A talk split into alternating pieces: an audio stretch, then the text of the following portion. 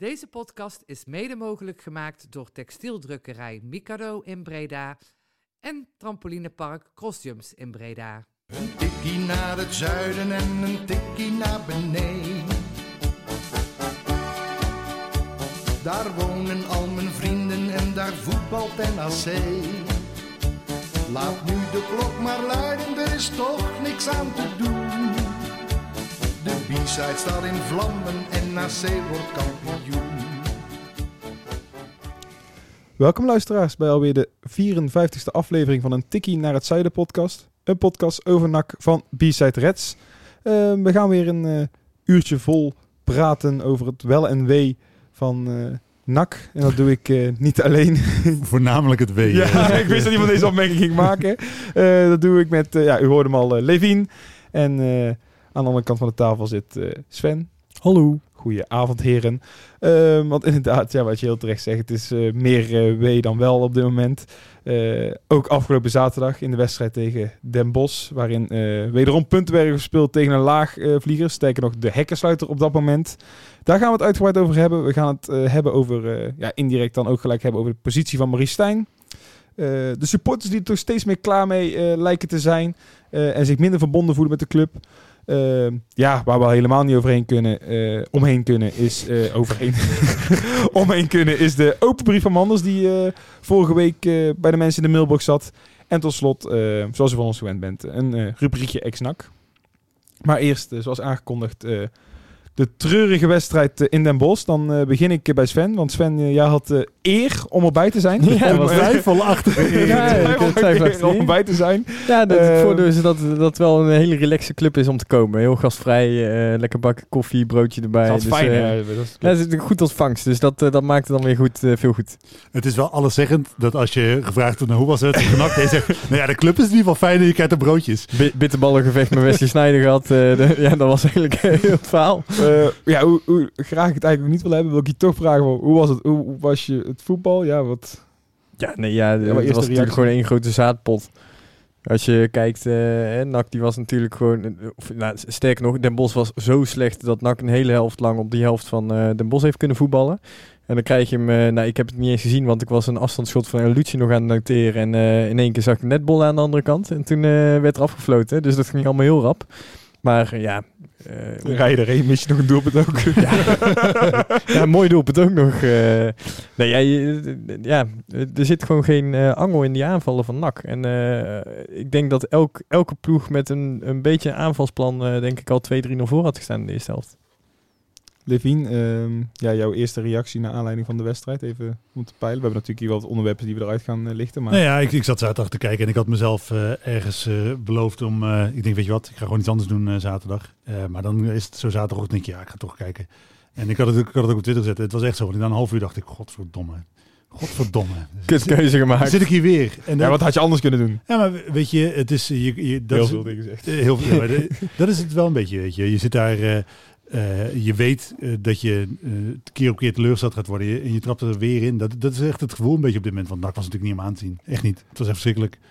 Waar, ja, ik weet niet of we er nog van kunnen schrikken, maar eh, waar ben je misschien het meeste van geschrokken? Bij NAC? Ja. Ja, nee, ik ben al, eh, volgens mij twee maanden geleden heb ik het seizoen al afgeschreven. Dus ik zit al in zo'n soort van modus dat het me niet zo heel veel meer uitmaakt. Ik heb, ik heb nergens het gevoel al maanden dat dit eh, om te draaien is. En eh, elke keer als ik weer ben... Misschien de wedstrijd tegen Excelsior, toen dacht ik nog even... Hm, misschien ga ik me ergens deze week nog bedenken. Eh, nou ja, gelukkig heb ik me niet bedacht in die weken. Want ik denk, eh, ja, het seizoen is toch gewoon klaar. Levien, ben jij nog ergens extra van geschrokken? Nee, ja, het is natuurlijk hè, wat je, wat je eh, schrik is een groot woord, maar wat je telkens weer verbaast is dat eh eh, NAC echt niet eh, in staat meer is om een eh, fatsoenlijke aanval op de mat te leggen. De, het lukt gewoon echt niet. Het is eh, achterin. Er ging natuurlijk, hè, maar dat is niet zo heel gek. Er gaat elke wedstrijd wel één of twee momenten gaat er iets mis. Maar in principe staat het redelijk oké achterin. Het is zo dat de tegenstander krijgt wel wat kansjes. Maar het is ook niet zo dat om ons boven gespeeld wordt. Maar aanvallend lijkt het gewoon echt helemaal nergens op. Ja, en, en schrikbarend misschien ook dat eh, Dogan en eh Bilate eh, in het veld komen. En dat dat eigenlijk eh, de wedstrijd juist een beetje swoon geeft. Want ja, daar wil je natuurlijk naartoe. We kunnen normaal gesproken zijn we wel eh, in staat om een wedstrijd helemaal te ontleden. Nou, dat willen we onze luisteraars en onszelf zeker niet aandoen op dit moment. Ik wil eigenlijk vrij snel naar ongeveer na een uur spelen gaan, waarin eh Bilate natuurlijk in de ploeg komt. Ehm, is dat het, ja, ik wil het, een wondermiddel vind ik misschien alweer een heel groot woord om zo maar te zeggen, maar is dat wel de oplossing die NAC in ieder geval de komende eh, weken weer naar, eh, kan leiden tot het winnen van wedstrijden? Ja, we hebben het natuurlijk al eerder gezegd. Hè? We hebben hier eh, ruim voor de winterstop al een keer een, onze ideale opstelling gedeeld. En dat wa- toen was mijn opstelling al dat je voorin met twee spitsen ging spelen. Ik vind al maanden dat dat een goed idee is. Eh, dus dat eh Bilate eh, een sleutel kan zijn tot een beter aanvallend nak, ja, dat geloof ik wel.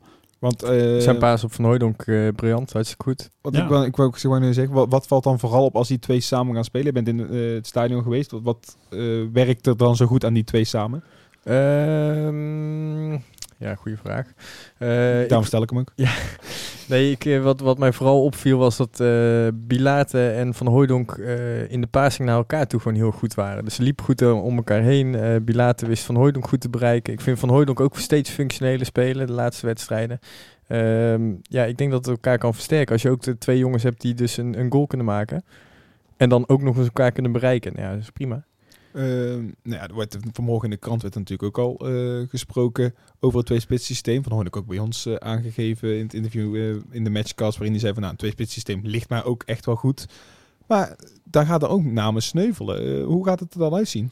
Dat was ook mijn eerste gedachte. Want op zich is het op links niet zo heel moeilijk. waar nu, nou ja, laten we zeggen dat er speelt een of Roy Venema. Maar laten we zeggen dat daar Venema speelde tegen Den. Eh, die kan je natuurlijk prima eruit halen. Ja, Ja. en dan eh, wil je zeggen, kan je de Roy op... Eigenlijk ga ik vanuit dat het 4-4-2 wordt. Even, denk dat Ja. de meeste mensen die daarvan Dat uitgaan denk ik dan. Li- linker middenvelder, Eh, kan je de rooi. Ja, Linker middenveld kan je de Roy. dat lijkt me prima. En wie zet je op rechter middenveld dan? Ja, goed. Ik heb nog steeds een voorkeur voor Schouten. Want die Ja, is, eh, ja, maar dat, dat, even dan indirect gaat dan Elucie er ook uit. Ik denk dat het op... Ja, dat, is dat vind ik een moeilijke keuze. Want ik... eh, Vind eh, ik, gezien de laatste twee wedstrijden, een hele makkelijke keuze. Moet ik ook Maar dat is het dubbele. Het is een hele moeilijke keuze, eh, omdat als je naar zijn statistiek kijkt, is hij bij ongeveer nou ja, tussen een derde en een kwart van de doelpunten is hij betrokken met zijn drie goals en zeven assists. Op de 36 uit mijn hoofd eh, die Nakker gemaakt heeft, is er gewoon een hele substantiële bijdrage.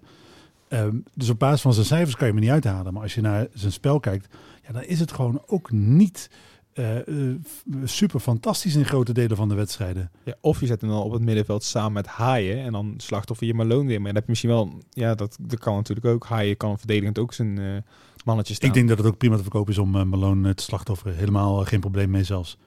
Nee, dat denk ik ook niet. Dus prima. Echt helemaal geen probleem mee. Nou, dat zou in ieder geval een oplossing eh, kunnen zijn. Ehm, ja, we zeiden het al eigenlijk al voordat wij hier eh, de, de opname starten. Zeiden we, nou, laten we vooral die wedstrijd niet te veel ontleden. Ehm, ik wil nog één dingetje wel uithalen, één momentje. Ehm, jij vond het logisch, zei je al eh, van tevoren, dat in de rust eh Rustler, ja, die was geblesseerd, is ook te laat bij die goal. Kun je over twisten, wordt er dan te laat gewisseld? Je weet de gedachtegang daarachter, weet je niet. Ehm, nou, dan lijkt mij, leek mij een 1 plus 1 is 2, want eh Riera komt er maandag in tegen eh, jonge PSV. Eh, doet het verdienstelijk, eh, prima. Maar dan komt ineens Adileo. Ja, in eerste instantie snapte ik die eh, wissel ook niet, net zoals eh, denk ik heel veel mensen. Omdat je inderdaad net de week daarvoor eh, Riera had gezien. Uh, maar achteraf zei Stijn, ja goed, uh, wat ik al heel vaak gezegd heb, uh, zei Stijn, is hij is in de 1 op 1 duels gewoon echt heel goed op de training. Wil niemand tegen hem spelen als je uh, in de in de in de 1 tegen 1 duels. Nou ja, en dit was een wedstrijd waarin dat van hem gevraagd werd. Dus was het op zich een hele logische keuze. Speelde goed. Ja, en dan denk ik, oké, okay, als je me dit zo vertelt, ja, dan kan ik dadelijk wel meegaan. Ik, ja. Uh, ja, dan lees je vandaag ook weer dat, uh, dat Riera weer genoemd of nog steeds genoemd wordt bij uh, Barcelona B. Dan lijkt het me ook wel dat hij echt op weg is naar de uitgang. En dan, uh, ja. ja. Je vraagt je dan toch echt af. Hij gaat wel op de fiets, hè? Want uh, traag gaat het wel, die transfer naar Barcelona B. Nee, maar ik weet nog wel dat de aanbieding uh, in het begin van het seizoen was dat er dan twee of drie spelers in leen terugkwamen. Uh, je zou ook denken, ja, we ik heb het in de matchcast al benoemd. Uh, we zullen daar nog, misschien ook wel even aan memoreren. Het seizoen met uh, Vreven. Waarin uh, eigenlijk ook in de winterstoppen haast kansen waren voor uh, directe promotie. Mm, toen kwam een Manu Garcia kwam er ineens. Die echt, echt ja, dat, de, de vreugde bij de sporters kwam terug. Omdat er een echt een voetballer was waarvoor je naar het stadion kwam. Tuurlijk, Vreven zal ook eens teweeg gebracht hebben. Moet je daar niet gewoon dan even zeggen, oké, okay, Riera, ja mag gaan. En wij halen twee spelers die eventueel echt wat kwaliteit kunnen toebrengen in het spel dat Stijn wil spelen of wat dan ook. Dat dat dan misschien toch wel een oplossing kan zijn. Ik denk dat daar de sleutel voor de oplossing niet ligt. Natuurlijk is het zo dat op het moment dat je kwalitatief goede spelers opstelt, dat de kans dat je wedstrijden wint groter is dan wanneer je slechte spelers opstelt. Zo eenvoudig is het. Dat, eh, maar, Ja, maar je hebt geen geld om spelers te halen. Dat je misschien indirect toch zo een kwaliteitsimpuls kan krijgen. door- om een speler, met een speler die je wegdoet, eh die je toch niet gebruikt.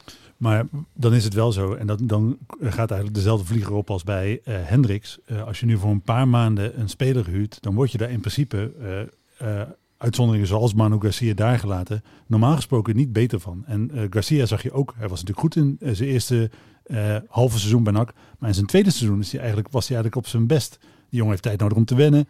Die heeft tijd nodig om een beetje de spelersgroep te leren kennen. Misschien moeten wennen aan een hoger niveau ook. Eh, als niet in, fit, hè? We hebben die presentatie van Freek toen ook gehad. Eh, die jongens kwamen allemaal echt eh, maar, maar 10% fit aan, zeg maar. Dus het was een heel traject. Dus je, het is de vraag of dat dan echt de jongens zijn die super veel verder gaan brengen. Want laten we even wel wezen, Barcelona gaat natuurlijk geen topspelers verhuren aan een club uit de keukenkampioen-divisie. Als ze ook een informeel samenwerkingsverband bijvoorbeeld met FC Utrecht hebben gehad. Ja, ja nee, fair point. Maar ja, Dus je gaat echt een dat beetje... Garcia bij NAC in voetbal vind ik ook nog steeds verbazingwekkend. Nee, Dus maar er was wel een andere samenwerking met Manchester eh, City bijvoorbeeld. Hè, waar een ve- veel meer geformaliseerde samenwerking, waar een echte afspraken over ontwikkeling gemaakt waren. Met Barcelona zijn natuurlijk niet van dit soort afspraken. En ondanks dat Ronald Koeman, als hij, weet je, weet je, zal vast een warm gevoel bij NAC hebben als hij... eh, ja, waarom niet? Ja, waarom nee, niet? ik Ja, bedoel, hij is ja. Nederlander. de mooiste club van Nederland. Ik zou er wel een warm gevoel bij als snap Maar die- je gaat echt niet de topspelers krijgen. Echt niet. Hebben we de wissel van Adi Leeuw gehad. De mensen die zich nu afvragen waarom benoemen jullie eh, de wissel vooraf niet eh, van Rutte die er eh, geblesseerd, niet kan starten eigenlijk en Venema erin komt, daar komen we daar nog even op terug. Want we hebben nog een open brief van Manders waarin dit onderwerp wat meer hout snijdt dan dat we het nu los zouden pakken. Ehm, ja, weer een puntverlies tegen een laagvlieger. Ehm NAC ehm, pakt weinig punten de laatste wedstrijden. Teert eigenlijk nog steeds op de eerste zes wedstrijden eh, voor de corona, om het zo maar te zeggen. Ehm, ja, als je een beetje gaat uitrekenen en eh, ziet dat om je heen de ploegen wel gewoon wedstrijdjes consequent blijven winnen, moeten we gaan zo vrezen dat de play-offs in gevaar eh, komen, Sven? Eh, ja, ja, ik keek daar toch al niet naar uit. Nee, maar... ik, eh, ik zou het ook niet erg vinden als die pleister in één keer eraf gaat straks. Dat, eh, dan hebben we dat maar gehad. Maar ja, weet je, zo'n play-offs is natuurlijk een loterij waar je met een beetje mazzel de Eredivisie in kan eh, lopen. Want het is maar één wedstrijd dit jaar. Maar toch. Ik denk inderdaad, eh nou de play-offs, de, Ja, de rest is ook gewoon slecht. Ja, maar ik snap wat je... Ik, je zegt nou inderdaad, ja, nou Sven, de play-offs... maar ik mag... Ja, we gaan daar... Dat is het volgende puntje wel inderdaad, van, je mag toch wel hopen dat je nog in ieder geval... Als NAC zijn de play-offs haalt, dat je geval als supporter een klein sprankje, eigenlijk hoe onrealistisch misschien is, dat je nog wel hebt op promotie. Ja, weet je, op het moment dat wij het niet halen, dan, eh, dan komen we straks bij de meneer die het meest ve- veelbelovend is in Breda, maar dan in letterlijke zin. Ehm, eh, ja, we gingen kost wat kost promoveren. Dat is nu al langzaam ge- gebagatelliseerd eh, naar eh, volgend seizoen. Eh, maar als je nu al de play-offs niet haalt met deze selectie, dan moet je bijna een hele nieuwe selectie gaan wegzetten om volgend jaar bovenin mee te gaan doen. Levi, nu kijk jij daarnaar? Als er niks gaat veranderen in de komende eh, weken eh, of komende maanden, eh, dan ga, ga je zelfs als je die play-offs haalt niet promoveren. Met dit spel eh, maak je nul kans om in die play-offs iets klaar te spelen. Want je, het is zo hè, dat je bent in principe eh, niet slechter dan de elftallen waartegen je speelt, maar je creëert niets. Je creëert gewoon helemaal niks. Maar zelfs de opportunist die in het begin van het seizoen zei, we gaan ongeslagen kampioen worden, kan niet een sprankje hoop verzinnen van in de play-offs kan alles. Nou ja, dat was een ander nak.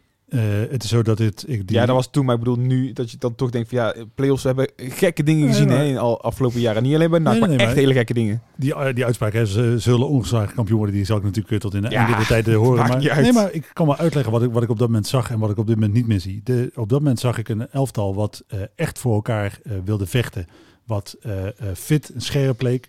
Wat eh, eh, er echt voor vocht om een eh, resultaat te halen. En dat zie ik gewoon niet. Het is gewoon een, een elftal wat eh, eh, in niets echte eh, eh, onverzettelijkheid en absolute wilskracht uitstraalt. Gewoon niet. En dat is eh, dodelijk in, eh, in dit soort wedstrijden. Plus daarbij een spelsysteem wat, wat gewoon niet werkt. Het, is gewoon, zijn, het spelsysteem van Stijn is zand in de motor gooien. Over het, eh, de inzet komen we zo meteen nog heel even op terug. Eh, Suiker in de tank. Eerst Ja, dat is het. Ik, ik Ja. heb het over eh play-offs die in gevaar is. Ehm, na afloop eh hadden we natuurlijk Stijn ook weer, Marie Stijn weer voor de camera. Ehm, er werd drie wedstrijden geleden gezegd, en dat, eh, dat was een terechte vraag voor jou. We moeten alle wedstrijden tot aan Almere ehm, moeten, we- moeten gewonnen worden. Ja, dat was zijn eh, boodschap, hè? Alles winnen, dat dan kan je tegen. Almere... Er zat geen woord Chinees bij. eh. Er zat geen woord Nee. Chinees bij inderdaad. Ehm, terechte opmerking toen ook. Eh, uiteindelijk zijn we drie wedstrijden verder. Hebben we maar drie punten. Drie keer een gelijkspel. Eh ja, jij confronteerde hem met die uitspraak. En eh, ja, we luisteren even naar zijn reactie. Ja, dus dat, eh, ja, dan kun je al je plannen kun je de prullenbak in gooien. Je wilde heel veel druk op de wedstrijd van volgende week om, eh, om echt aan te haken. Ja, dan krijg je drie ploegen waarvan ik vind ook dat we ze moeten winnen. Als we omhoog kijken, ook gezien het spelersmateriaal wat we hebben. Maar ja, uiteindelijk eh, is dat niet gelukt en is dat ja, super teleurstellend. Maar hoe vaak moeten ze die vuilniszak van die prullenbak van Maurice Stijn wel niet legen? Want zijn plannen moeten eigenlijk drie keer in de week in de prullenbak. Ja, maar het, is, ja, ja, het is hard. Inderdaad, maar wel realistisch. Nou ja, en dat wel. Ik, ik, eh, eh, dat, dat, uiteindelijk miste ik die vraag in het eh, interview. Maar Stijn, weet je, je hebt nou gezegd dat het aan je spelers ligt. Je hebt gezegd dat het aan corona ligt. Je hebt gezegd dat het aan weet ik veel om wat ligt. Maar je hebt nog niet gezegd, het ligt aan mij. Dat heb je nog niet gezegd. Terwijl ik denk, de enige man die een constant is geweest in de afgelopen wedstrijden, ben jij geweest. Want ja, dat is inderdaad ook wel waar we daar naartoe willen inderdaad. Eh ja, Maurice Stijn, hij kan haast niet ontslagen worden. We hebben al geroepen inderdaad. Manders zal altijd eh, achter eh, Stijn blijven staan. Het kost NAC te veel geld. Ehm, maar ja, er zijn echt... Ik denk dat elke andere trainer die amper wordt gekost had voor of weet ik het allemaal, was op dit moment ontslagen. En wat me ook opviel, we, hebben het net over gehad dat Hendricks moet presteren, want anders nemen de verdedigers hem niet meer serieus. Ehm, wat mij ook opviel was dat hij juist heel erg op Hendricks aan het coachen was en aan het fitten was heel de wedstrijd. Volgens mij voelt hij dat ook, dat Hendricks gewoon moet presteren nou die hem heeft gehaald. Ja, de, de, de druk is echt niet minder om. En ja, eh, dus, ja, Thijs zei het hier in de mestkast ook al inderdaad. van Ja, de enige manier is dat hij weggaat inderdaad. En niet dat wij hier nou allemaal gaan lopen pleiten dat hij weg moet of dergelijke. Maar het begint wel een beetje schrijnend te worden. Is dat hij zelf op gaat stappen. Omdat hij het zelf niet meer aan de praat kan krijgen. Nou ja, want eh, we hoeven het eh, wat mij betreft niet te hebben over de vraag of hij ontslagen eh, moet worden of niet. Want wat jij zelf ook zegt, nou, hij heeft een contract nog voor 2,5 seizoen. Het is de vraag of het verstandig is om weer een, een nieuwe man voor die groep te zetten. Ook natuurlijk omdat zijn lot nogal verbonden is aan dat van eh, Matthijs Manders. Dus op het moment dat je dat Stijn zou moeten vertrekken, wat heeft dat dan voor implicaties voor de, voor de eh, positie van Matthijs Manders? Dus als we een beetje bij die discussie wegblijven, maar gewoon sec naar de vraag kijken, eh, is Maurice Stijn de juiste man voor dit elftal? Dan denk ik dat je op dit moment niets anders kunt zeggen dan nee. Want jij had het net inderdaad ook al over die mindset. Die eh, niet goed is in het elftal. Is daar een trainer verantwoordelijk voor te houden? Want we hebben dat fragmentje al klaarstaan. Ja, la- laat eens dat eh, fragmentje maar even luisteren. Hè? Want de, de vraag was natuurlijk, hè, waarom lukt het dan toch eh, niet? Nou, het lukt natuurlijk niet tegen Jong PSV, het lukt niet tegen eh, Den Bosch. Wa- wa- wat, wat is er nou precies eh, aan de hand volgens Maurice Stijn? Ja, eh, te laks. eh, nogmaals, denken dat het wel goed komt. eh, passief, eh, niet in beweging. eh, niet de juiste mindset om, eh, om, om, om gewoon eh, op basis van kwaliteit hier te winnen. En nogmaals, eh, ik denk dat wij een betere ploeg hebben. Dat weet ik wel zeker dan Den Bosch. Maar het begint wel met een aantal eh, basisvoorwaarden. Hard werken, vuile meters maken voor een ander. Veel meer in beweging zijn. Het komt niet vanzelf. En ja, dat heb je vandaag wederom gezien. En dat is natuurlijk alleszeggend. Hè? Het is zo dat... ik Weer denk geeft dat- hij de schuld ook aan zijn spelersgroep. Hij geeft 100% de schuld aan zijn spelersgroep. Dat is, eh, het ligt aan, eh, niet aan de kwaliteit van de spelers, want die heeft hij zelf gehaald. Het zijn in principe allemaal op papier eh, goede spelers. En ik denk dat je, als je de selecties van de keukenkampioen-divisieclubs naast elkaar gaat leggen, dat iedereen met een beetje verstand van voetbal zal zeggen dat NAC echt niet de slechtste selectie van deze competitie heeft. Maar ja, het is dan blijkbaar is het een selectie die denkt we kunnen dit op halve kracht ook wel. En daar zitten dan geen gevolgen aan. Want het is week op week op week op week dat je blijkbaar met eh, een lakse instelling eh, eh, van het veld kunt stappen. En volgende week, dat heeft Marie Stijn ook een aantal weken geleden gezegd, 9 van de 10 eh, namen zijn van tevoren weer ingevuld. En dat is natuurlijk wel iets wat bij hem, wat bij hem als coach ligt. Het kan niet zo zijn dat spelers de ruimte voelen om op halve kracht te presteren. En blijkbaar kan hij, krijgt hij dat groepsproces ook niet aangestuurd. Het is ook niet een eh, Maaskant of Niballa die dan gewoon op, op- als iemand zo eh, instelling heeft, gewoon op de tribune zet voor drie eh, Ik wedstrijden. kan me nog wel eens herinneren dat Maaskant Tigadouini toen van de Ja. training afstuurde.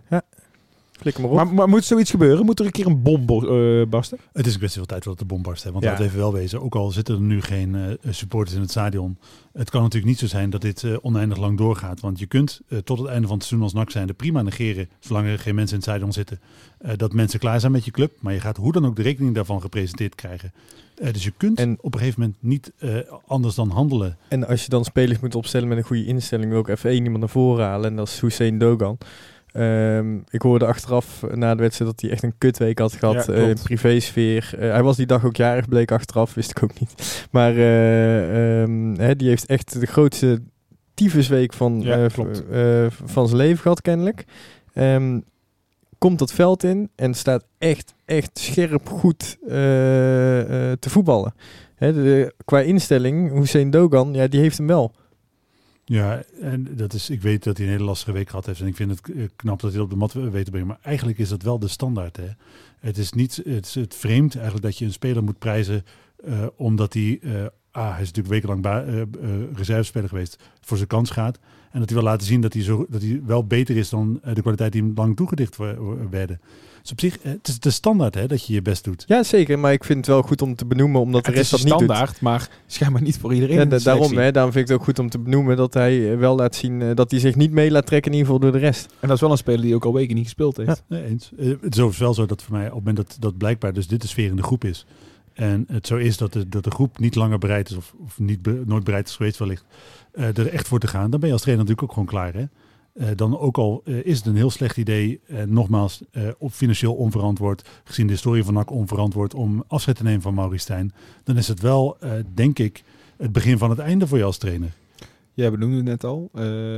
Ja, nou, in ieder geval Stijn, de- laten we even de conclusie trekken. Inderdaad, is eigenlijk niet meer de juiste man. Alleen hoe het op te lossen, dat denk ik dat eh, niemand dat hier aan de tafel weet. Nee, en dat is het wrangen, want eh, er is gewoon geen oplossing op dit moment. Het enige is dat je, je kunt, het enige wat, wat, wat je op dit moment redelijkerwijs kan, is hem laten zitten en in de zomerstop je selectie eh, heel erg verversen. Maar dat betekent wel dat je definitief accepteert dat dit een verloren jaar is, want promoveren ga je echt niet op deze manier. Geloof ik niks van. En dan moet je ook een klein stukje terugkijken naar het verleden natuurlijk. IJzerga haalt Haaien, beste speler van je selectie denk ik. Eh IJzerga haalt eh Hiballa die een Jordi Bruin en dergelijke binnen wilde halen. Nou, revelaties van de eerste divisie op dit moment. Ja, we hebben de plank toch wel ergens misgeslagen misschien. Ja, want laten we wel heel eerlijk zijn, dus het geld dat NAC uitgegeven heeft aan deze selectie is eigenlijk grotendeels geld over de balk geweest. Want geen van de spelers die gehaald zijn als grote namen eh, renderen echt. Ik heb gehoord dat het geld waar het allemaal naartoe is gegaan, die hebben drie nieuwe stadions en eh, een paar snackbars bijgebouwd. Dat, eh, die, dit slaat helemaal nergens op wat, eh, wat we hebben uitgegeven. Nee, inderdaad. Ehm jij benoemde het al wel, dan ga ik toch inderdaad dus de, verder. De supporters. Ehm, steeds meer mensen, en dan ja, met mensen bedoel ik de NAC-supporters. En ik denk dat wij alle drie hier ook, ook wel bij horen bij wat ik nou ga schetsen. zijn er klaar mee wat er gebeurt op het veld. En, ja, dat indirect of niet direct door corona, voelen zich minder verbonden met de club. En je kunt, eh, ja, de sportieve prestaties erg. Maar als jij supporters gaat verliezen, dat is denk ik nog tien keer zo erg dan de sportieve prestaties. Ja, maar dat is wat ik zei. Hè. Ik denk dat je eh, nu, eh, omdat er toch geen supporters in het stadion zitten, niet echt ziet wat de gevolgen van corona en de prestaties van NAC op dit moment zijn. Omdat je gewoon, ja goed, je ziet wel, als je naar de kijkcijfers op Fo- Fox of inmiddels ESPN kijkt, is NAC vaak nog steeds de best bekeken wedstrijd van het eh, eh, weekend. Maar als, het, eh, als er nu wel publiek in het stadion welkom zou zijn, dan zou de sfeer echt, echt grimmig geweest zijn. Of het stadion was half leeg geweest inmiddels. Ja, nee, eens. Ja, ja en dat, dat is een ernstige zaak. Ik, ik, ja, je kunt sportief zeg zijn, maar je hebt supporters heb je op de lange termijn echt nodig. En zeker volgend jaar, waarin je misschien zelfs de financiële steun nog harder nodig gaat hebben. Ehm, ja, hoe ga je dit voorkomen of tegengaan? Maar om met die financiële steun te beginnen. Hè? Eh, ik moest er zelf toevallig afgelopen week aan denken. Ik denk, denk ik, oh ja, mijn seizoenkaart. Eigenlijk helemaal geen plezier van gehad dit jaar. Oh ja, volgend jaar moet ik weer een nieuwe seizoenkaart nemen. Eh, eh, ik wist op dat moment niet zeker of ik wel bereid zou zijn om, als er geen echt nieuw perspectief geschetst wordt, of ik wel zin heb om mijn seizoenkaart op dit moment te verlengen. Serieus? Ja, echt serieus. Ik heb, eh, en dan heb ik, weet je, ik, dit, dit, die cyclus doorloop ik eh, één, soms twee, soms drie keer per jaar. Maar op dit moment ben ik echt best wel een beetje klaar met nak. En dan denk ik, weet je wat, zoeken jullie het lekker uit met je teringbende. Het is zo dat, op moment, het is op dit moment, het is op dit moment niets waaruit blijkt, anders dan een hele lange e-mail, dat het in de toekomst beter zal gaan. Er is helemaal geen enkele houvast. En ik heb het gevoel best wel in de steek gelaten te worden door de club op een heleboel manieren. Ja, het ligt ze vooral toe. En dan heb ik zeg, want ik vind het wel, ik vind het wel, ik Ja, vind de- het wel de- iets. de- ik de- vind het wel iets. De verkopers van klantenbinding, zeg maar, die staan op het veld. En eh, ja, die zijn zichzelf niet zo heel goed aan het verkopen op het moment. Want we hebben het hier over, kijk, eh, de meeste mensen kennen jou ook wel inderdaad. Eh jij bent er en uh, Oernak, ja, jij zet je gewoon bij ons al eh, heel veel in. Ehm, maar je, je ko- er komt ook nu aan dat je echt heel erg twijfelt over of je je seizoenkaart wil verlengen. Dan als jij al, dan wil ik meer naartoe, van, als jij al twijfelt. Disclaimer. Eh, ik twijfel echt honderd eh, keer of ik mijn seizoenkaart ga verlengen. Ja, maar ik, ik wil wel uiteindelijk sta klein, ik toch scheldend dat geld over te maken. klein, klein, klein nuance brengen, want dit, dit maak ik nu al een jaartje of 18 mee, dit gesprek. Dus hier Nee, nee, nee. is wat nuance. Maar als een Levine, inderdaad, wij spreken al soms twijfelt inderdaad. Nou, ik, ik denk dat er van de 18.000 man in het stadion 17.999 man minder fanatiek supporters zijn dan Levine. Eh, dan moet je echt zorgen gaan maken om eh, hoeveel mannen er volgend jaar bij het Ja, maar staan. ik, voel, ik voel Ik me al wilde- jaren gewoon een soort van sponsor, hoor, want ik, ik betaal toch wel. Ik wil daarbij wel even zeggen dat eh, ik het echt onterecht vind dat, dat ik een fanatiekere supporter zou zijn dan veel andere mensen. Dat, Nee, is- ja, dat, maar- is, dat is echt niet waar. Maar ik ben wel- iemand die heel erg betrokken is. Ja, dat is ook zo. Maar dat geldt voor heel veel. Ja. En ik denk dat, maar dat is wat je op dit moment ziet. Hè. Eh, Maarten Akkermans is daar een voorbeeld van. Eh, ik denk dat is ook iemand die, Ja, die, nee, maar is- die, die NAC bloedt. Eh, als je hem opensnijdt, komt er geel en zwart uit. Dat is gewoon zo. Ehm, en dat geldt voor heel veel mensen. Bram van Doorn is bijvoorbeeld ook zo iemand. Ja. Dat zijn jongens die eh, eh, grote delen van hun vrije tijd aan eh NAC spenderen. En was ze niet actief aan spenderen, toch in ieder geval aan NAC denken. Dat, maar dat zijn allemaal mensen die ergens het gevoel hebben dat de club op dit moment niet meer is wat de club heel lang geweest of zou moeten zijn. En dat gevoel heb ik ook, weet je wel. Het is een, eh, ik herken me niet in het eh, elftal op dit moment. Ik vind eh, Stijn, naast dat ik hem als trainer niet zo heel cool, cool vind, als TD ook niet zo heel geweldig. Bij Manders heb ik nog steeds, en dat heb ik vanaf het begin eigenlijk al geroepen, best wel Theo Mommers vibes. Dat klopt ergens niet helemaal. Dat vind ik ergens niet helemaal eerlijk. Dat is mijn gevoel. Ik zeg niet dat hij oneerlijk is, maar ergens heb ik dat gevoel. Dus in heel veel elementen van de club ja, voel ik gewoon een beetje en voelt het niet fijn. En dan, als je dan ook nog eens het prestatie, want die zijn natuurlijk echt om te huilen, dan denk je, weet je wat jongens, nog een jaar keukenkampioen divisie. En dan moet ik wel geloven dat die volgend jaar wel gaan promoveren. Op Ja. basis van wat dan? En, Zoek het lekker uit. en bij Mommers ver, verbloemde de prestaties natuurlijk heel erg eh, zijn eh, Klopt. eh, activiteiten. En dat, ja, Terwijl die daar- achter de schermen geld stond te verbranden. ja, Ja, ik, eh, ik zie man dus eh, dagelijks eh, een sigaar aansteken met een briefje voor 500. nee, eh, maar eh, eh, precies wat je zegt. Alle, alle echte mensen waarvan ik echt vind dat zij duizend keer meer NAC-supporter zijn dan eh, dat ik zelf ben, zeg maar. Ja, ik bedoel, het was ook meer... eh, het Maar was die- echt niet om die andere mensen af te vallen, Nee, nee, absoluut maar die- niet. die Maar dat was meer in de zin van, Levine die- is gewoon een hele fanatieke NAC-supporter. En als dat zo, dat was meer om het zo Nee, uit te en, drukken. eh, En niet, als- helemaal niet om de Bram van Dorens van deze Nee, club maar- inderdaad maar- eh, niet te onderschatten. Absoluut niet. Laat Weet dat even je, ik, opstaan. ik, ik weet zeker dat Bram waarschijnlijk zijn kind even wekt op het clublied van NAC op de achtergrond. En, eh, eh, in de hoop dat die NAC-supporter zo worden. Ja, ik hoop voor zijn vrouw, vriendin, dat dat echt niet waar is. ik ga dat nog wel eens een keertje checken. Ik ben bang dat het... nee, maar... eh, hè, de- ik zit echt je- ritme van het NAC-clublied in mijn hoofd. En dat toch, ja. Ja, dat was de beste minuut van zijn leven. Eh, maar, eh, eh, oh, flauw. Maar ehm, als je kijkt, hè, dat, dat, dat soort jongens merk je dus ook dat daar gewoon heel veel negativiteit uitkomt. Dat ze er echt helemaal klaar mee zijn. En dat zijn de mensen waarvan ik eh, soms een heel slecht nak nog eh, iets goed vind zien praten. En dat zie ik hun nu ook niet doen. Die Nee. vind ik soms iets te veel geel-zwarte bril nog op hebben. En die, die bril die is kapot. Eh, en dat, dat, maar daar maak ik me wel zorgen over. Eh, en dat is, eh, we, we, komen, we kregen afgelopen weekend Ja, een... daar eh, wil ik naartoe inderdaad. Oh. Toch? Oh, je- jij wilde die brief toch of niet? ja, ik wilde eigenlijk een e-mail van een eh, supporter benoemen. Maar je mag Oh, het, nee, ik, dacht, ik, dacht dat jij die brief... Nee, maar- nee, nee, nee, nee, pak vooral de e-mail. Ik dacht, ik, klopt. Nee. Het, het is een e-mail van een supporter die zei, weet je wat, jullie Twitterverslag Ah, is eigenlijk veel te eh, gekleurd en jullie zijn allemaal veel te negatief in die eh, podcast. En eh, je moet je bewust zijn, zei hij, van de invloed die je hebt. En ik Ja. dacht, oké, eh, laten we eerst even stilstaan bij de vraag hoeveel invloed wij hebben. Ik denk, nou ja, goed, je moet het ook niet overschatten. Eh, maar twee is natuurlijk, hè, op het moment dat wij naar die wedstrijden zitten, of op het moment dat wij hier zitten, dan zit ik hier niet om... het, dan zit ik hier vooral om mijn eigen mening te geven, weet je. En het is voor mij ook een beetje een therapeutisch uurtje met vrienden over uh, nak ouwe hoeren. En ik ben in basis gewoon supporter. En als ik het kut vind, dan vind ik het heel lastig om te zeggen dat ik dat niet... Dat, heel lastig om op mijn woorden te letten. Heel lastig om eh, daar super genuanceerde dingen over te zeggen. Uiteindelijk ben ik gewoon super teleurgesteld na zo'n we- wedstrijd als afgelopen weekend. Ja, nee, en, en eh, dat ging dan over het Twitterverslag van mij dan afgelopen weekend. Eh, dat ik eh, voorzitter van Venema toch een beetje highlighten. Maar ja, vind ik gewoon dat hij te weinig doet. Maar je bent inderdaad, eh, ik ben ook gekleurd. Maar ik lees ook constant alles onder nakpraat mee, zeg maar. Dus, Wij eh, praten alsof ik- we op de ik- tribune zitten. ja, man. ja, En, en, en dan eh, denk ik van alles wat ik schrijf, zeg maar. eh, die van Venema, die werd eh, een miljoen miljard keer gelijk. Dus ik denk dat er ook heel veel mensen het met me eens waren. Eh, dus sorry daarvoor, eh, de ene meneer die eh, boos was op eh, de mail.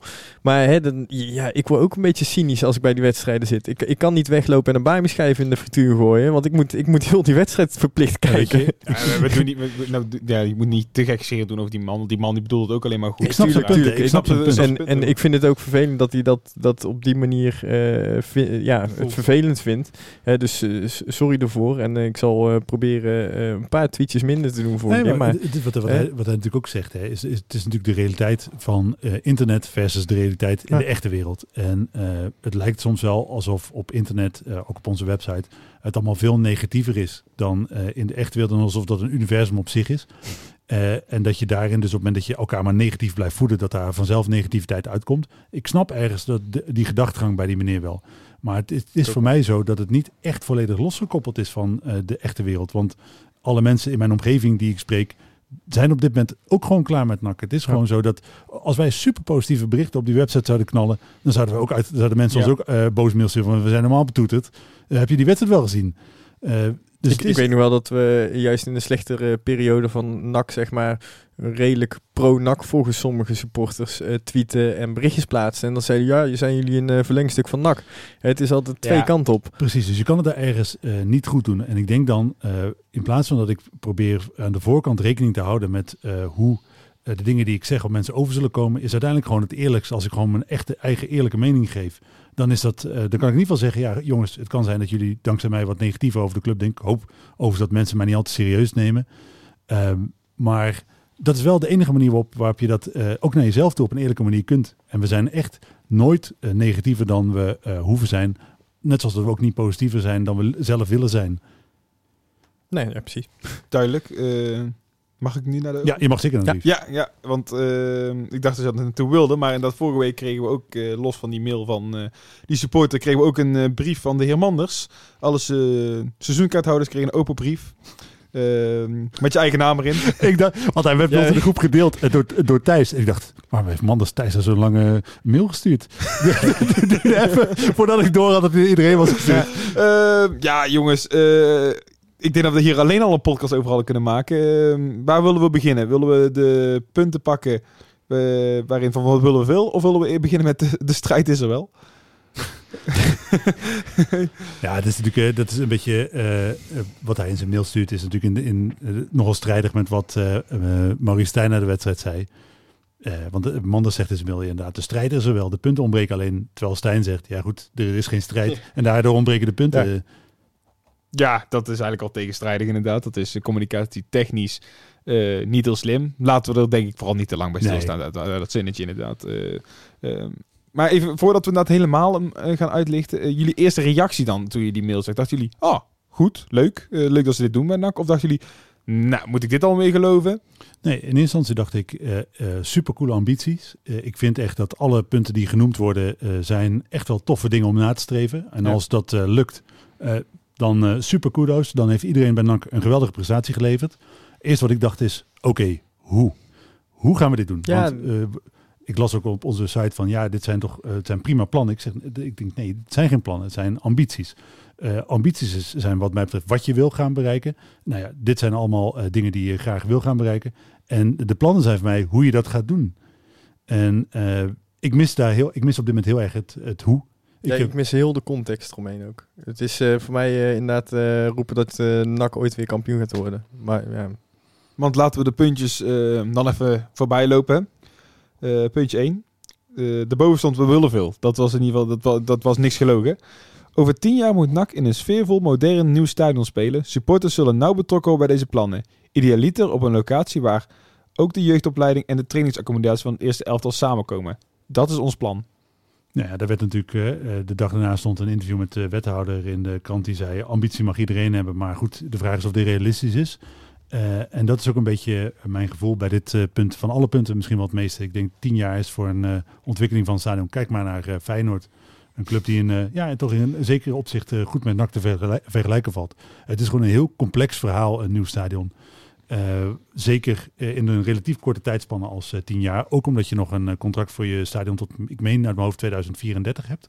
Of 2036, een van die twee. In ieder geval nog best wel een behoorlijke post dat je aan eh, dit stadion eh, vastzit. Het is niet zomaar gezegd dat je binnen tien jaar eh, een nieuw stadion kunt realiseren. Ik zou niet weten hoe in ieder geval. heb jij überhaupt een idee wa- waar die terecht zou kunnen komen? Behalve toch? Ja, mij, eh, ja. Maar, maar is, dat is toch qua locatie... Ja, het zal vast een mooie locatie zijn. Maar toch heb ik dan altijd zoiets van... ja, dit stadion lig, is qua ligging eigenlijk wel ideaal. Om, overal inderdaad dat je op loopafstand haast van de binnenstad Ja, zit. Ja, ik maar had- vergeet niet, hè, eh, toen het stadion kwam waar het nu kwam, dacht ik ook, dit ligt veel te ver buiten de stad.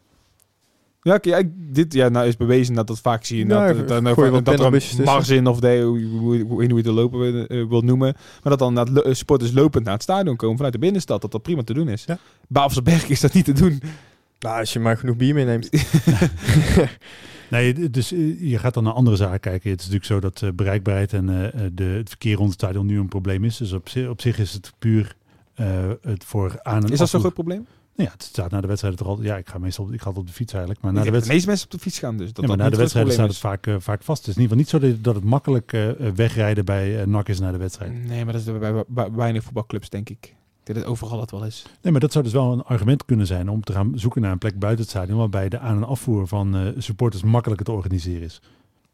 Zien jullie het zitten in een nieuw stadion? Of Ja, zijn- is, 100%. want Ja, ik, ik, absoluut. ik, Ja. stuur, ik stuurde namelijk, eh, ik zag een appje in een andere groepsapp eh met Naxpos erbij komen. Die zei, ja, we zijn eigenlijk net gewend aan dit stadion. Ja, ja. ja, dat, ja, maar die gedachte had ik ook wel een beetje. Dat ik dacht van, oh ja, ik heb net eigenlijk een beetje, ik, ik heb een plekje inderdaad, ik heb een groepje om me heen inderdaad. En eh, misschien dat dat, ja, voor mij juist bij de jongere garde is, omdat wij ook de Beatrixstraat nog niet hebben meegemaakt. Of juist Ook, ook, niet. ook dit stadion was natuurlijk een moeizame start. Mhm. heeft heel lang eh, ehm, eh, dat de sfeer daar niet echt in kwam. En dat is nu ook weer weg. Ik heb, Maar- echt, ik, heb, maar ik heb juist echt het idee dat dit stadion pas nu een beetje zijn geschiedenis aan het creëren is.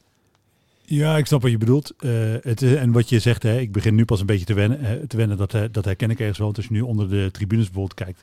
De graffiti Ja. daar eh, en eh, de Die Eh, pilaren die nog geel-zwart zijn. in memoria voor, eh, de, eh, support, voor de spelers die overleden zijn. Dat zijn allemaal mooie dingen, weet je wel. Maar eh, voor mij, dit stadion is... Ja, het heeft nooit echt eh, als een, een, een NAC-stadion voor mij gevoeld. Het is zo dat ik heb veel warmere gevoelens. En dat zal voor een deel romantisch zijn, hè. Bij het eh Audi-stadion. Maar dat was echt een NAC-stadion. Het begint al met die blauwe stoeltjes. Eh, dat, het, het, ik, dat is destijds waarschijnlijk omdat het hip en modern was. En eh, ik weet niet precies wat, wat Nu die ziet het er gewoon het is gewoon super kut. Ik wil gewoon, als je een nakstadion hebt, geel-zwarte stoeltjes, punt. Eh, ja, dat is gewoon zo. Ja. En er zijn een heleboel dingen die best wel goed zijn aan het stadion. De stijle tribunes, kort op het veld, werkt allemaal best wel Ja, prima. ja. Maar er zijn ook best wel veel nadelen aan dit stadion. De business seats worden natuurlijk regelmatig genoemd. Maar ja, en misschien ben ik dan een oude man inmiddels. Eh, maar ergens vind ik het ook wel ruk dat het in de winter gewoon echt ijskoud is. ja. Ik vind dat gewoon niet zo heel fijn. Ja, maar in welk voetbalstadion heb je het, is het warm dan Nee, in de maar ik winter? bedoel, het feit dat we... De, we hebben die faciliteiten gehad. Hè. We hebben gewoon eh, verwarming boven de tribune gehad. Die is op een gegeven moment... Is dat, was er, werd dat een brandgevaar. En hebben omdat we er geen cent voor hadden... of geen geld voor over hadden...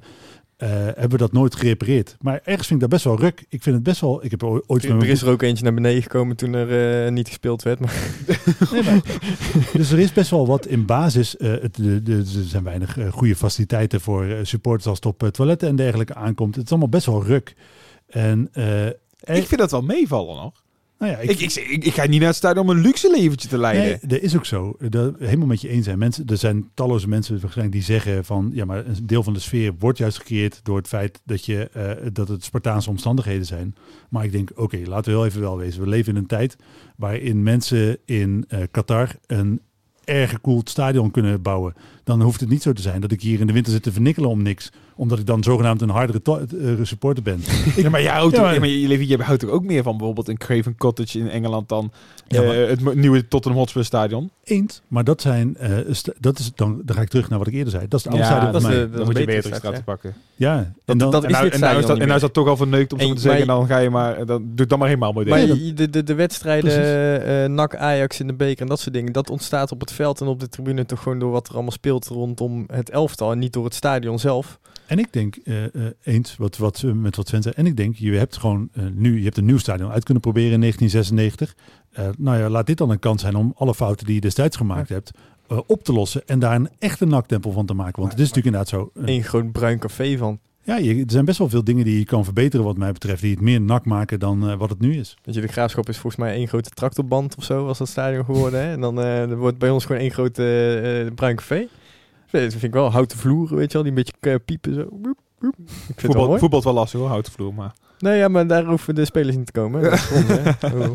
Ehm, ja, oké, het nieuwe stadion werd genoemd. Ehm, de volgende ambitie die werd genoemd was in 2025 spelen we minimaal drie jaar in de Eredivisie. En hebben een begroting tussen de 15 en 16 miljoen euro per jaar en een spelersbegroting groter dan 4 miljoen. Ja, dat, eh, daarvan dacht ik, eh, oké, dit heb ik eh, de afgelopen 16 directeuren horen zeggen. Ja. ja, e- eerst zien Ja. dan geloven. Ik vind dat een hele gezonde ambitie. Eh, moet je ook uitspreken. Tuurlijk. Je moet als NAC zijn en promoveren. Je moet als NAC zijn als je promoveert. Stabiele eredivisieclub willen zijn. Daar moet inderdaad een groei in het spelersbudget plaatsvinden. Eh, dat is, het zijn allemaal hele terechte opmerkingen. Maar eh, eh, daar, daarvan denk ik Ja. echt, ja... Dat als iedereen. kijk, als iedereen nu ieder weekend de wedstrijden kijkt, dan snap ik niet precies hoe we daar moeten komen. Nee, ik denk dat de middenmotor in de, in de KKD nergens een eh, plan heeft liggen van... nou, we gaan hier blijven of we zakken een beetje in de begroting, want eh, ja, we zijn toch kut. Ik denk dat elke, elke club wel de ambitie heeft om naar een stabiele midden... Ja, NAC heeft natuurlijk de perfecte omstandigheden, Ja, dat maar het komt er nooit uit. Dus ik denk ja, dat ze bij Eindhoven niet meer zeggen, wij willen een stabiele middenmotor in de Eredivisie worden. Want realistisch gezien wordt dat voor hen natuurlijk al wat lastig. ja, maar ze willen wel groter worden. Ze willen wel eh, nog net dat stapje extra meer contract spelen. Hè? De, de- ja, het gaat in tuurlijk, stapjes tuurlijk. natuurlijk. Elke club heeft en, ambities. en de, Almere City, hè? ja. ja. die hebben echt het perfect En- eh, en- uitgevoerde plan. En als je kijkt naar waar we nu staan, hè, eh, dan moet meneer Manders heel veel gaan leren van zijn fouten die hij al gemaakt heeft. Samen met me- meneer Stijn. Want anders ga je deze ambitie nu al eigenlijk... eh, Want eigenlijk, eh, nou ja, dat je net binnen drie jaar, dat je drie jaar Eredivisie wil spelen in 2025, daarmee leg je echt de druk op en het spreek je nu echt op, papier uit dat je volgend jaar moet promoveren. Maar voor mij eh, zijn er dus twee scenario's mogelijk. Eh, je gaat daar of realiseren wat dit jaar niet gelukt is. eh, en dan is het zo dat Stijn zei bijvoorbeeld, hè, we hebben een elftal... ik had bij, bij VVV en Oude Den Haag een elftal wat er wel voor wilde knokken. Nou ja, dat suggereert dan dat je in de zomerstop misschien korter met, met te maken met de spelers in je selectie waar je nu niet dat, dat gebrek aan me- mentaliteit hebt. Eh, maar het is helemaal niet gezegd dat je volgend jaar eh, wel gaat promoveren.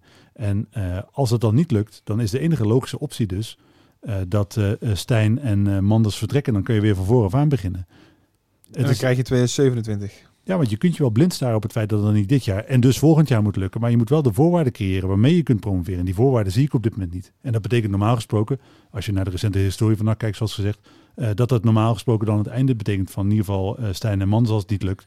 Eh, die kunnen natuurlijk niet blijven als die ambitie is- niet realiseren. Dit is een beetje hetzelfde als dat Hiballa vorig jaar, eh, vorig jaar kwam. Die zei, ik wil binnen anderhalf jaar promoveren met NAC, anders ben ik weg. Ja, precies. Dat is wel wat er dan gebeurt. En dan eh, begin je weer van vooraf aan. En dan is het denk ik wel klaar. Ik denk nog steeds dat eh, als hij door had gezet met de groep en eh, zijn eigen spelers had gehaald, dat wij eh, wel hadden geconcurreerd met Almere en de Graafschap. Maar dat heeft meer omdat... Ik, ik hoorde laatst ook een argument dat iemand zei van ja, Hiballa, nou, dat baseer ik natuurlijk alleen op bij NEC. En toevallig zie je het nou langzamerhand bij Liverpool ook ontstaan.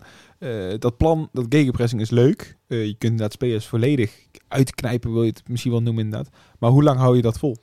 En je ziet nou bij Liverpool komt er ook een beetje de klad in. Ja, maar Ja, goed, maar- Liverpool wel kampioen worden. Hè? Tuurlijk, ja, nee, uiteindelijk heeft hadden voor de Champions League gewonnen. Ja, Tup, tup. dat mag op een gegeven moment wel uitgewerkt zijn. Ja, nee, tuurlijk, maar dat is niet iets dat voor een hele, eh, dat echt voor hele lange termijn is. Maar Nee, maar, is maar dat is het punt. Hè? je moet korte termijn Ik denken. moet hoor. zeggen Maar dat, dat is als je nog eh, steeds eh, zo hoog in de Premier League speelt... eh, ja, tuurlijk. Maar dat is ook wat er bij NAC gebeurt. Eh, want dat is het eh, waarom ik zeg, ik zie geen basis op dit moment waarom het komend jaar wel zou moeten lukken. Omdat eh, enerzijds wordt die middellange termijn geschetst. Want het hoeft niet per se dit jaar. We gaan het dus, het volgend jaar is ook goed. NAC creëert daar iets van, van de middellange termijn voor zichzelf. Maar alle andere dingen die NAC doet, zijn op de korte termijn gericht. Eh, dus de spelers die je haalt zijn primair korte termijn spelers. Er zitten dan met uitzondering van Kai de Roy eigenlijk geen spelers bij waar je langere tijd... eh, eh, die eh, normaal gesproken ja, ze gaan ontwikkelen. Schouten olij. Ja, maar dat zijn spelers die je al had, hè? Ja, op die manier. Je transferbeleid verder is er vooral op gericht om op korte termijn eh, succes te boeken met jongens als Immers, Malone, eh Hendricks. Het zijn allemaal korte termijn spelers.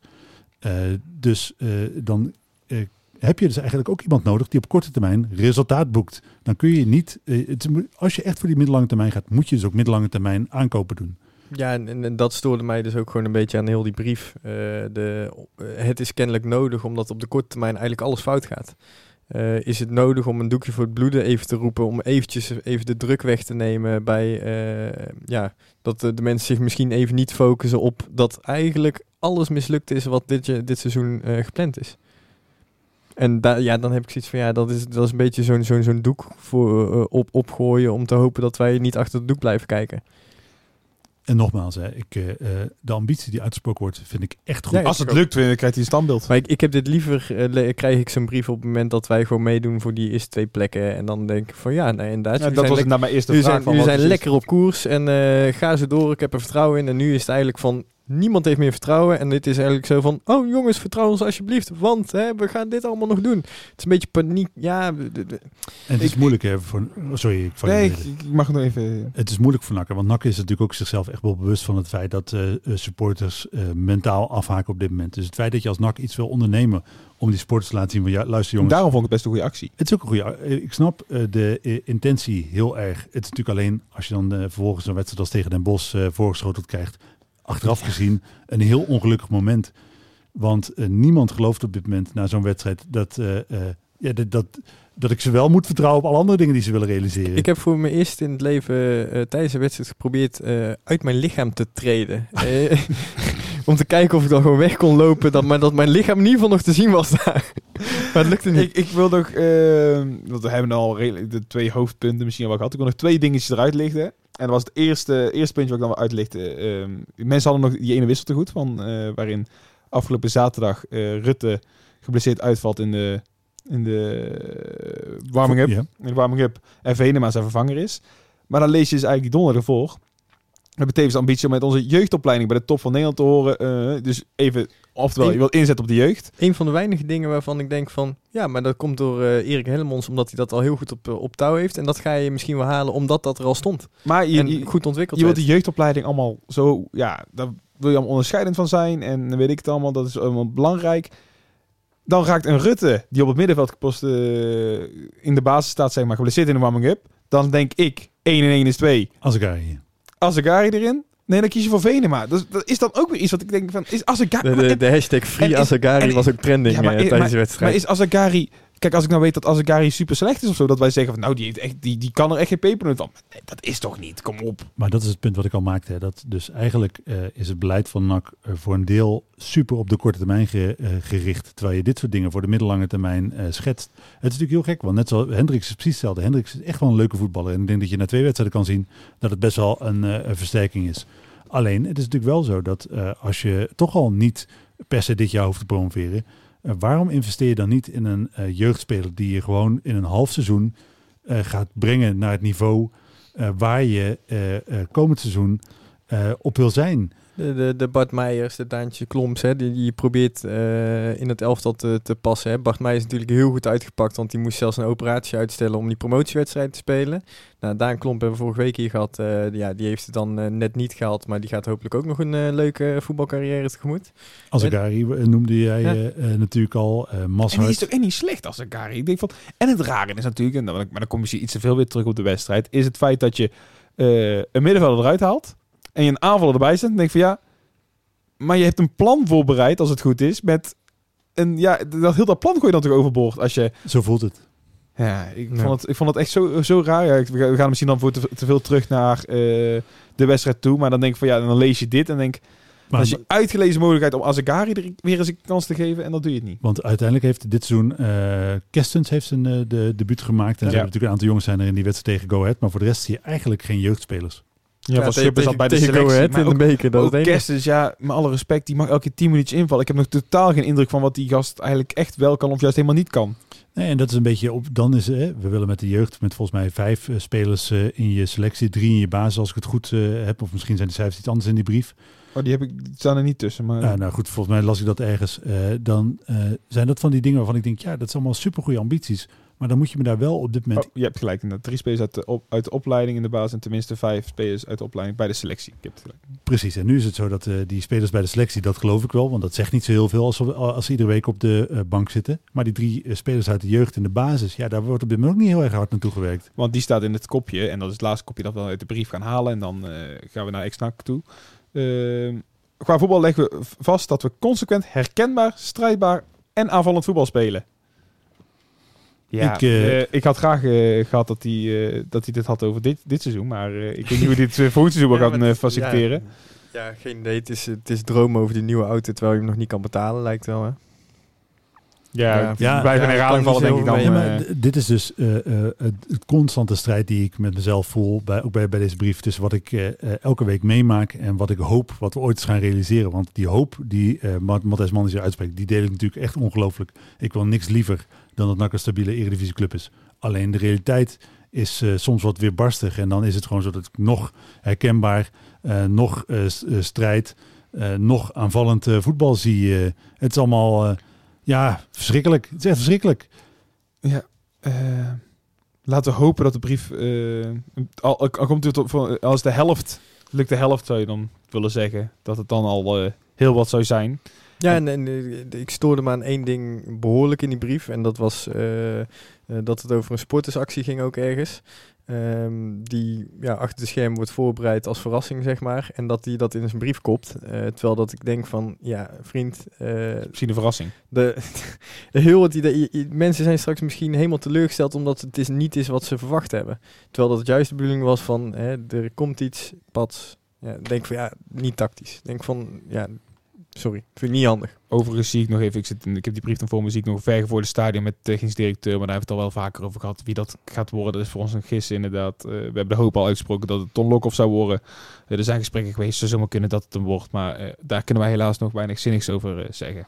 Plus, eh, die technische directeur gaat voor dit seizoen niets meer uitmaken. Nee, precies. Dus eh, die schuiven op naar eh, een, een van de volgende, Volgende week, denk ik. eh, een van de volgende uitzendingen waarin hopelijk En, eh, wat wordt. Chris WM terecht al heel vaak een man is probeert te vragen op Twitter. De is, directeur en manager. ja, eh, gaan wij een andere structuur aan, hanteren? Want het is daar technisch directeur en we hebben een technisch manager gehad. Ik, ik denk dat er niks verandert aan de denk ook niet. structuur. en denk dat het gewoon een- verkeerd getypt is. Dat denk ik ook. Maar toch wel leuk dat Ja, Chris. WM scherp, Chris. We hebben nog een, eh, ja, we, hebben vijf minuutjes alweer, eh, toch alweer kunnen volpraten over het eh, W van NAC. Ehm, want ja, we begonnen met wel en W, maar het, het werd toch echt het W. Ehm, ja, als je terug aan denkt aan het W van NAC, dan kom je al snel bij Castaneer uit. Sorry, ik kon, ik kon hem niet laten liggen. Hadden we dit seizoen goed kunnen gebruiken misschien wel. nee, dan gaan we natuurlijk automatisch eh, door naar altijd het slotstuk van de podcast. eh, de ex-NAC rubriek die elke maandag te vinden is op onze website. Waarin wij altijd kijken naar hoe oud-NAC-spelers presteren. Eh, bij hun nieuwe club, huidige club. Eh, ja, deze week hadden we Castaneer, Boussaïd, Ambrose en Poupon. Dus om te beginnen bij Castaneer. eh daar gaat het ook niet zo goed mee. Nee, het gaat niet zo goed, is een understatement. Hij heeft eh, 0% van het maximum aantal speelminuten in de basis gestaan. En 1% van het totale aantal speelminuten heeft hij überhaupt op het veld gestaan. hij heeft in twee wedstrijden meegedaan. Het is zo dat hij vorig seizoen heeft hij volgens mij een wedstrijd of tien gespeeld bij Coventry. Zijn natuurlijk gepromoveerd van de League One naar de Championship. In Ja. de Championship heeft, eh, de, technisch, eh, heeft de, de, de verantwoordelijke daar helemaal niets aan hem. Die heeft hem, heeft hem niet nodig. Vorig jaar toch ook al niet echt in Ook de niet league, man. En dat is natuurlijk sneu, hè? want het is zo dat hij eh, was bij ADO Den Haag echt, echt een talent. Kaiserslautern Ja. heeft ook nog niet heel slecht gedaan. Nee, maar dat is het ook niet helemaal gelukt. Hè? En dat is natuurlijk nadat hij die, geweest. die oogblessure Precies. heeft gehad. eh, sindsdien heeft hij niet meer gepresteerd. Want bij NAC gaat het niet goed. Eh, nu is het zo dat... Ja, dat is echt. Nee, maar dat is echt waar. Bij Ja. NAC is het niet gelukt. Bij Kaiserslautern is het niet. Bij NAC niet. Nu bij Coventry City niet. De vraag is natuurlijk waar hij nu naartoe gaat. De kans dat hij eh, uiteindelijk eindigt in eh, Roemenië of in Ja, want dat, dat, Bulgarije. dat was een vervolgvraag. Waar kan die jongen heen? maar dat soort landen zullen het waarschijnlijk worden. Ja. Cyprus, eh, Israël. Eh, dat, dat soort competitie. En dan denk ik, dan is voor iemand die eigenlijk op dat moment niet super ver van... volgens mij heeft hij wel Nederlandse vertegenwoordiger in de elftal gespeeld. oranje en alles. Als bij Kaiserslautern geluk was, weet je niet zeker waar het geëindigd was. Eh, zonder dat ik wil zeggen dat hij echt per se, per se Nederlands dat zou hebben gehaald. Nee, maar gewoon... Had hij echt een fantastische carrière. Maar nu moet hij een beetje hopen dat hij wellicht uiteindelijk op IJsland... Misschien uh, subtop uh, Verkeerde Eredivisie. jaar bij NAC gekomen ook. Ja, dat, Het, eh, dat hij überhaupt nog eh, iets uit de carrière kan halen. Twee, nou, misschien dat hij met de Poupon in de eerste divisie in eh, eh, Turkije kan gaan voetballen. Maar Oh, wat leuk dat je nou het bruggetje even maakt. Doe ik graag, hè? Ja, want, eh, want ook, ja, we beginnen wel met het eh, slechte nieuws in de ex-NAC rubriek. Eh, ook bij Poupon gaat het niet zo goed, bij Bolenspor. 1 december 2019 toch? Dat hij Ja, zijn was laatste... de laatste... eh, Zonde, ik vond het zo'n leuk spits. Ik vond het echt wel een goede spits voor Pom. En ook zijn statistieken bij uh, Bolusport zijn helemaal niet zo heel slecht. Want hij heeft volgens mij 120 wedstrijden daar gespeeld en dan een keer of 48, 49 gescoord. Dus Valt hij, wel mee. hij doet het, Netjes. Zeker als je dan beseft dat hij Ja, niet gescoord precies. heeft. en hij, vorig jaar heeft hij een scheenbeenbreuk gehad, waardoor hij een eh, deel van de Ah. competitie gemist heeft. En dat, dat, Oeh, dat is wel natuurlijk, pittig. betekent natuurlijk wel enigszins. Maar dit seizoen 15 wedstrijden gespeeld, 0 goals. En eh, dat is eh, voor een spits natuurlijk wel erg weinig. Ja, en pijnlijk. En dat, dat loop je tegenaan, teken, denk ik. Dat... Want weet je wie ook weinig scoort? Cherry Ambrose. Ah, wat... Hey, ik... ik ben het niet, mensen, dit keer. Ik ben het niet, ik ben het niet. ja, en, en dadelijk de Ambrose naar Boussaïd is ook wel te makkelijk om te maken. Oh, wat Oh, had je nog niet moeten verklappen. maar dit is nou... Want eh, ja, Thierry Ambrose eh, is Ik bij heb na, Mets nog na een bruggetje namelijk, maar die ga ik dan niet verklappen. Oh, nee, dat mag ik. Oh, spannend. Oh. Nee, maar... eh, want het gaat... Ja, met Ambrose bij Mets gaat het ook niet heel denderend. Mag zo zijn minuutjes maken. Maar doelpunten technisch voor een eh, aanvaller is het... eh, 12 wedstrijden, no goals uit mijn hoofd. dramatisch, om eigenlijk wel goed te noemen. Dus dacht Utrecht, ah, zo'n speler kunnen we gebruiken. En ik denk dat die bij eh, Ja. Utrecht een hele prima versterking zijn. Ik zie niet helemaal... eh, ik kon niet helemaal meteen bedenken voor wie die dan in het elftal zou komen. Want ik denk, voorin hebben, heeft Utrecht er best wel een hoop opties, of niet? Ja, maar ze spelen... Sinds de Het is laatste keer, dat natuurlijk ik echt een natte duel, hè, heel Utrecht dit jaar. keek, laatste keer dat ik keek speelden ze met twee spitsen. En ze Mimou Mahi en eh, Elia in de spits staan. Ik denk van, dan zijn het precies twee, geen- niet twee spitsen. Nee, maar afgelopen weekend speelde Dalmau weer, als ik het goed Ja. heb. Oh, doe Eh, Zo- Ook wel aardig spits. En eh, Kerk is natuurlijk, ondanks het feit dat hij wanpresteert... op- Rechtsbuiten. hè. Hij op kan ook rechts. op rechts Goed, buiten. Maar dat is wel de positie waarbij, eh, waar Ambrose het bij NAC ook goed gedaan heeft. Ja. Een beetje als rechter aanvaller. Maar is het ook niet een beetje typisch Utrecht? Die halen altijd van, oh, dat is wel een leuk speler, bij, die halen we. En dan totaal maar niet nadenken. goed voorbeeld van. ja, eh, totaal niet nadenken of die in het systeem past of zo. Dat is denken, oh, Ramselaar mag weg bij PSV. Hé, die heeft bij ons gevoetbald. Nou, die halen we even. Want dat is het. Utrecht heeft op papier een fantastische Ja. selectie. En ik denk dat Ambrose eh, voor het niveau Eredivisie, ik denk dat het voor Ambrose zelf super goed zou zijn. Denk het. Absoluut. Eh, hij is 23 jaar. De Ligue 1 is duidelijk op dit moment, in ieder geval bij Metz, want dat is een middenmotor volgens mij, staan ze negende of zoiets in Frankrijk. Eh, gewoon, dat is best wel- Utrecht van Frankrijk. Ja, en eh, dan is de League 1 best wel een stukje groter dan de Eredivisie. Hij, Ja. kan het, hij heeft bij NAC eh, in eh, dat jaar Eredivisie laten zien Echt goed, goed hoor. ja, dat hij het echt wel kan. En hij heeft gewoon een succes nodig in zijn carrière. Hij moet gewoon een club vinden waar hij minuten kan maken, waar hij zijn doelpuntjes maakt. Hij moet over dat dode punt heen. En dan zou Utrecht op zich helemaal geen hele gekke keuze geweest zijn. Ja, want eh, ze hebben op dit moment eh, weinig doelpuntmakers bij eh, Utrecht. Maar eh, ja, als je dan iemand een doelpunt moet laten maken, dan is het wel. Hoe ziet Ja! Inderdaad, ja. eh we balten blijven weer bij de domstede dingen. Spelen van de week, hè? Bij uh, spe- Man of the Match eh, was hij benoemd trouwens, Peter. Ja, Eh, nee, maar inderdaad, uh, Boussaïd. Ik weet niet of jullie de goal gezien hebben. ja, mooi goal. Zo, oh, was eh, met zijn eh, mindere linker, want zo wordt hij al, wordt al wel eens genoemd in de Chocoladebeen. chocoladebeen. In, Jean, zoals de Fransen zeggen, jambe au chocolat. bij deze de Franse les met Levi. Maar we weten Ambrose hoe hij dat moet vertellen tegen Boezit straks, dat is mooi. Eh, ja, ik, eh, maar het, het mooie was daarna, eh, er stond een interview in, in het AD. En daar ging, ging het over dat hij echt een rotperiode achter de rug heeft. Dat hij eigenlijk... Ja, hij trainde weinig. Hij trainde weinig, hij had totaal geen motivatie meer. Ga je nog alles voor zeggen? Of? Oh nee, eh, nee, maar eh, hij trainde maar geen motivatie meer. Dus hij had ook echt een transferverzoek ingediend bij de club. Nou, de club heeft Oh. gezegd, nee, nee, nee, dat gaan we niet doen. Hij zei, hoezo gaan we dat doen? graag terug ik, ik, speel heel de maand januari nog niet, eh, flikker op. Ja, ga eerst best wel harder trainen, zei ze. Nou, mindset is veranderd. Ze hadden gaan trainen, kreeg weer een invalbeurt en, eh, een prachtig doelpunt. en maakte een prachtig doelpunt waardoor Utrecht met 1-0 wint. En Het- nou lijken de perspectieven weer helemaal veranderd. Maar het is wel eh alleszeggend hè, dat eh, eh, zo'n jongen eh, blijkbaar dan toch moeite heeft om zichzelf te motiveren op het moment dat hij even niet in het, eh, spe- het eh, spel voorkomt. Maar is het ook geen logische reactie als jij eh, inderdaad het moet heel veel moet doen met invalbeurten bij eh, Utrecht? Ehm, er is dus, je hoort dus in januari dat er interesse is uit België, want er waren heel aardig wat Belgische clubs die hem eh, wilden huren of kopen. Dat weet ik. Voor mij was het huren. Eh, dat je dan denkt van ja, hey, hier krijg ik de kans niet. Eh, waarom zou ik hier nog mijn best gaan doen? Ik kun je hem ook gewoon uitlenen aan een Belgische club. Nee, maar had jij dan niet... Ik eh, dacht natuurlijk meteen terug aan eh, vorig seizoen. Eh, want ik dacht, hè, heeft hij nou gescoord? Hij heeft vorig seizoen bij NAC helemaal niet zo heel vaak gescoord. Inderdaad, in de competitie geen enkele keer gescoord. Beker. PSV in de beker. Precies, in de beker. Maar uh, Benak ook in geen enkele wedstrijd gescoord. Nee. Uh, nauwelijks assist uh, voor, uh, voor eigenlijk de speler die die is. Ik denk, oh, als je dan blijkbaar zo omgaat met teleurstellingen. Benak ook lang natuurlijk niet altijd baasspeler geweest. Denk, Jawel, toch? Nee, is niet Hoe altijd. zit. Die heeft eh, in het begin heeft hij heel veel op de bank gezeten. Heeft wel eens vaker even zijn plekje verloren. Oh, nou, dat kan ik me niet herinneren. Dan denk ik, ja, weet je wel, dan is het misschien helemaal niet zo heel gek dat je blijkbaar niet volle bak traint. en niet, uh, uh, dat je uh, niet je blijkbaar die motivatie uit jezelf kan halen. Ik dacht, oh, misschien is er wel een verklaring voor waar hij bij, bij, bij NAC niet zo goed gedaan heeft als ik voor, de, Ja. voor het seizoen verwachtte.